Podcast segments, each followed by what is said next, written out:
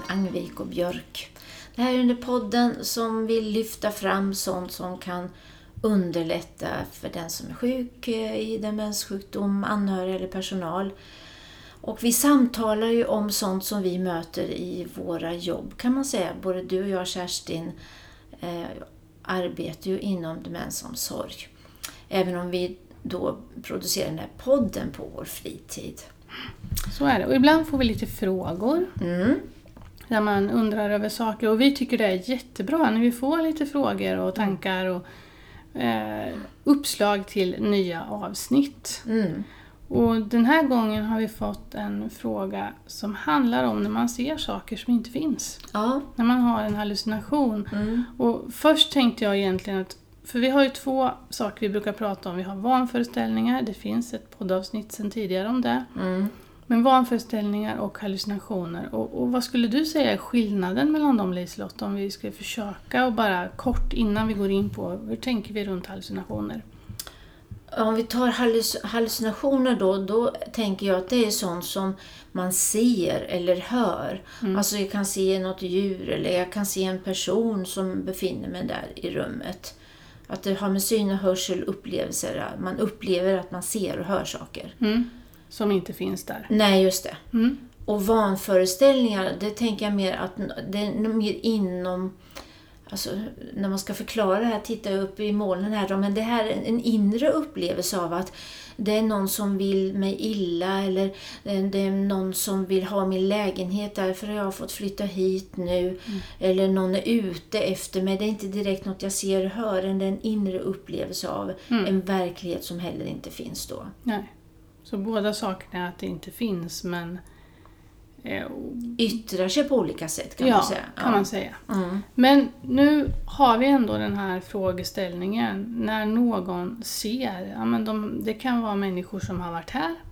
Det var massor med människor här i natt. Ja. Hur ska jag som anhörig? Vad ska jag säga? För de finns ju inte där. Nej. Men för den som är sjuk, och om det är någon som är sjuk som lyssnar på det här som har upplevt det här, så är ju hallucinationer är ju verkliga. Mm. Och då kan man säga vid vissa demenssjukdomar, till exempel everybody-demens, det är ju det här en del av eh, symptomen väldigt tydligt. Mm. Och, och i början kan det ju vara så att man förstår att det kan inte vara så. Att den där personen eller de där djuren eller vad det är, maskarna och många gånger obehagliga hallucinationer finns här.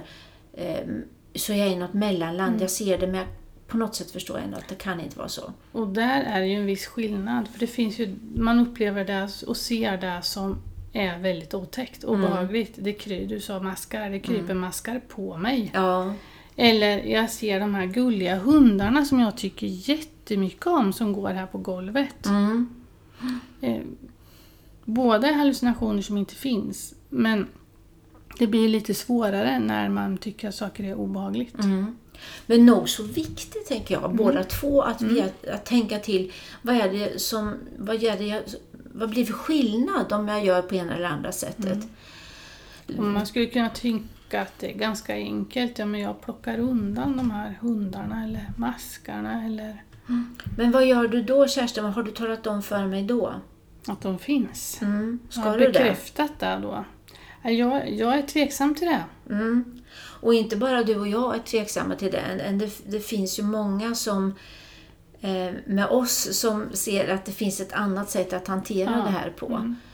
Vi kommer tillbaka, en del snuddar vid sånt vi har pratat om förut, men det här bekräfta kommer vi alltid tillbaka till att jag har fått lära mig, jag har praktiserat under alla år, att jag ska försöka förstå vad det är du ser. Mm. Bekräfta, ha, du ser, om det nu är maskar eller hundar, katter, vad det är. Men samtidigt vara noga med att jag ser inte det här eh, som du ser. Mm. Och igen så är det ju väldigt olika var, hur, var i sjukdom befinner sig någon och hur verkligt är det och vad har jag för upplevelser runt det här. Det finns ju de som till och med har sagt till mig jag har hjärnspöken. Ja, Som är medvetna fast Mm. de tycker att det är lite obehagligt.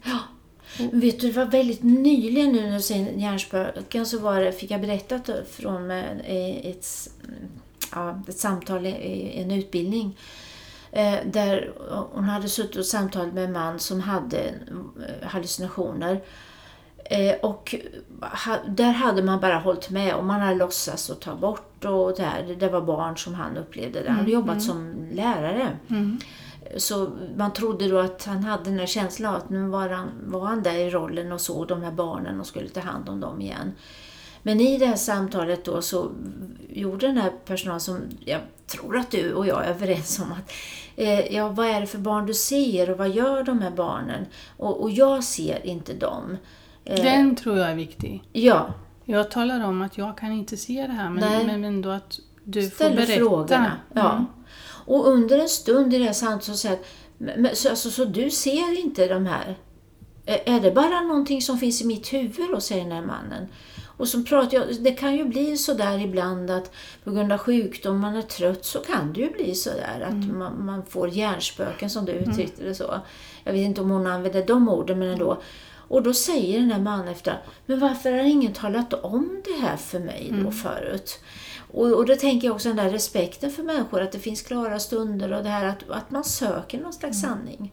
Men jag skulle, vi, vi startar inte med det Jag skulle vilja backa lite. För okay, först skulle man ju egentligen behöva titta på hur ser det ut där den här personen har de här hallucinationerna? Mm. För miljön Absolut. är ju superviktig, så det inte är miljön som ställer till det. Nej. För det kan ju vara så här att man har eh, väldigt... Ja men att ljuset reflekterar sig mm. konstigt. Så om man börjar titta noga, ja men det är inte konstigt att han ser hundar där under för det, det, det skuggar sig så det mycket väl skulle kunna mm. vara så. Eh, så det första man behöver egentligen göra är att titta på miljön. Är det någonting här inne som gör att det faktiskt kan... Man misstolkar. Misstolkar, ja. Mm. Vet du, vad kom jag på en annan sak som jag stötte på här också för några månader sedan. Det var en kvinna vid matbordet som mm. att eh, sitter någon och stirrar på en, sitter där och glor på mig. Alltså, vi vill inte ha någon som sitter och glor på mig. Och då trodde hon först att det var den, de andra personerna som satt på andra sidan bordet och så. Men det hjälpte inte, hon var, blev stressad och irriterad. Men då var det någon observant personal som sa att nej men det är ju krukväxten som står på bordet. Det var, jag tror de heter gerbera. Mm. Några, alltså, det är väldigt kraftfulla blommor med en svartbrun prick i mitten. Och det uppfattar hon som två ögon som stirrar på mm. henne. Mm. Så jätteviktigt som du säger, att ta reda på det först. Så att man inte misstolkar det som vi faktiskt kan göra mm. någonting åt. Jag träffade för ett antal år sedan en kvinna där, där man beskrev att det var så mycket djur i hennes lägenhet och hon mm. pratade alltid om de här djuren. För det första hade hon det väldigt mörkt i sin lägenhet men mm. hon, hon var sparsam. Ja. Man fick inte tända upp. Nej. Men sen när vi kom in i lägenheten så var det också så att hon hade älskat att sy. Mm. Så hon hade djur på väggarna mm. och hon hade djur på borden. Alltså hon hade ju sytt tavlor och dukar ja. och eh, porslinsfigurer och det var mycket, det var hundar och det var katter. Mm vi tog inte bort allt, men tillsammans, vi gick i samverkan med henne för det gick att göra det mm. och rensa lite. Mm. Och hon tyckte om djuren men det mm. blev lite för mycket att ta hand om. Det ja. blev jobbigt för henne. Mm. Och när vi fick rensa lite och göra miljön lite mer lättförståelig så mm. blev det också betydligt enklare för henne. Ja. Då försvann det här, det här svåra i de här djuren. Ja. Och hon misstolkade inte lika mycket för Nej. vi såg till att, att behålla det som vi såg, att hon faktiskt förstod att det var en tavla eller mm. att det var en hund i en um, porslinsfigur eller så. Ja. Mm. Men igen, det, det, det, jag tänker vi pratar om nu är ju det här att ta på allvar och mm. inte så här lättvindigt och tänka jaha, hon har katter, ja men då ställer vi fram skålar här med vatten och vi går in och låtsas och vara med i den här verkligheten. För vi kan, man kan ju tänka, men det spelar väl ingen roll, det är väl bara lite mysigt och trevligt. Men det kan ställa till det och det kan bli mm. stress också. så. En, som så mycket annat, prata om det här och vad är det du ser och vad det är. Mm. Och är det obehagliga hallucinationer, då behöver vi verkligen ta på allvar. Men i samma stund som jag låtsas då ta bort eller fixa till det här, då har jag ju, som du sa förut, verkligen talat om att det finns också. Mm. Det är sant. Mm. Men jag behöver ju liksom kunna spegla mig någon som förstår att det här är inte verkligheten. Men obehagligt är det i vilket fall som helst. Eller glad är jag för de här då. Vad det nu är för någonting. Och bara det att man får berätta för någon som lyssnar aktivt Mm. och ställer någon fråga ibland Mm.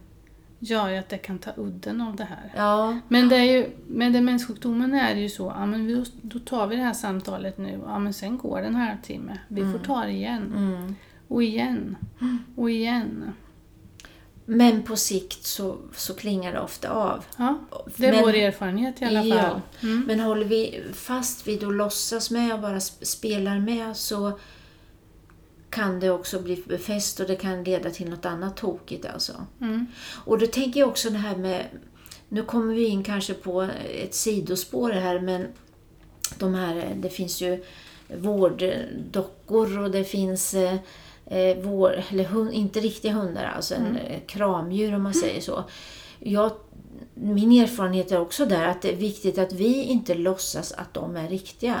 Än vi förhåller oss till som att det är ett, ett kramdjur. Sen måste inte vi påpeka det, att den är inte riktig, det är bara låtsas. Det är inte så jag menar. Men vi ska inte gå, gå all in och liksom göra den här verklig. Och vi ska vara personliga där. Mm. För, för vissa personer är det så bra att ha det här djuret och klappa. Ja, visst. Och tycker det är rogivande och skönt. Ja. För någon annan funkar det inte alls. Nej. Så att vi inte tänker, ja men det här var ju bra, nu ska alla nio som bor här Mm. ha det här. Och det, är ju, det där tycker jag är så spännande för om vi får, du och jag får en sån här vårddocka i famnen eller man, den där katt eller hund eller vad det är. Så med automatik nästan så börjar vi plocka och styra på kläderna eller klappa så här. Och, och vi mår bra att göra det oavsett om vi är friska eller om vi har en demenssjukdom. Och vi vet ju att det här är en docka. Ja. Eller det här är ett djur. Ändå sitter jag- du där och klappar. Ja, fast jag vet, någon, jag vet en person som eh, älskar sin hund Mm. och samtidigt säger, fast du vet jag vet att den där inte är riktig, men jag tycker så mycket om honom. Ja, och man pratar till den och så. Ja, Mm. och den har fått ett namn. Och, Ja, mm. visst. men, men där vet personen ändå att den inte är riktig. Mm. Men det är ju viktigt att vi inte också heller talar om, ja men den där är ju inte riktig vet du. Så att, precis Nej. som du sa. Det, Vi behöver inte kasta någon sanning Nej. i så, men, men vi ska förhålla oss på ett vuxet sätt, kan man väl säga, eller ett, ett äkta sätt. Mm. Att jag ser inte det du ser, men jag, men jag förstår att du upplever det här och det några du känner igen, vad gör de här och hur känns det att, att du ser det här och vad, ja, om det nu går att samtala Ja. förstås. Mm. vill du berätta? Alltså öppna Ja. upp. Mm. Mm. För det är där vi egentligen är ute efter, att vi öppnar upp till att man får berätta Ja. om sin känsla. Men det här att ta på allvar, det- jag kommer att tänka på det här många år sedan nu. Så var det på ett boende en eh, man som kom ut och sa att det, det ringer under min säng. Och då bara, mm, var ingen som tog på all- allvar riktigt. Ja, ja, han hör nog saker och sådär som, som inte finns och så här. Så kom jag ut efter en stund igen. Det, det låter under min säng. Ja, ja, vi, det löser sig ska du se. Liksom svarade. Sen efter en stund så började någon i personalen där. Var, jag har tappat eh, telefonen. Var är den någonstans? Var tror du den var? Hos honom. Det ringde under hans säng. Ja, precis. Ja, men- och då tog, med tanke på det här att ta på allvar så. Mm. Mm. Det var och inte bara ta för givet att nej, men det, han har hört eller sett något Nej, som inte finns. Mm. Mm. Mm. Jätteviktigt. Jag tänk, tycker att vi återkommer hela tiden till det här att ta på allvar, se till att mötet blir så vuxet som det bara går. Ja. Och just, jag tänker på den här mannen med som då efter ett tag kom till insikt om att nej men det här, aha, de finns inte. Liksom, och varför inte, har inte någon sagt det här? Att ibland, eh, beror ju på vilket skede man är i sjukdomen och vilket läge man är just då i samtalet, så kan det ju vara bra att man pedagogiskt säger att Ja, ibland så kan ju sjukdom eller en trött hjärna eller ögonen kan förvilla oss. Så det är inte jag som är knasig och knäppen. Så där kan det bli ibland då, att man, man ser saker. Vi, många gånger är vi så rädda för att prata om den här kognitiva sjukdomen, demenssjukdomen. Ja, och, jag, och där tänker jag att vi som personal har ett stort ansvar att våga göra det, för det är inte så lätt som anhörig att göra det många Nej. gånger. Jag önskar att vi blev lite bättre och att det inte blev så mycket tabu runt den här sjukdomen som Mm. har med hjärnan att göra. Att vi faktiskt vågar prata lite mer om det. Mm. Att det finns saker som kan ställa till sig. Ja, för gör vi inte det då kanske man inte mm, vågar lyfta någonting. Och det, är- det är fortfarande som sagt det här att skämmas och så alldeles för mycket fortfarande där. Och jag tror också att det är därför som vi, eller omgivningen, samhället blir lite försiktiga och trampar och inte vet vad man ska göra och säga då. Och om man inte, när man är på sin dagverksamhet eller bor på ett boende, kan prata om sin sjukdom, var ska man göra det Nej, då? precis. För vi har ju ett ansvar som Mm. jobbar. Men jag tycker också i det här hallucinationer och annat att, att det finns en brist på respekt för människor som har den här sjukdomen. Så vi inte tycker det är så noga vad man säger och man gör. En, ja men vi spelar med och så tyck, skrattar vi och tycker det här är lite roligt. Men verkligen tänka in i varje samtal. Vad är det jag gör egentligen med det här sättet som jag förhåller mig här nu då? Eh, vad är det jag säger till den här personen? Hur, hur blir den här upplevelsen för honom eller henne? I allt vi gör. Ja. Och ska vi samla ihop det här nu då? Mm, försök på det här.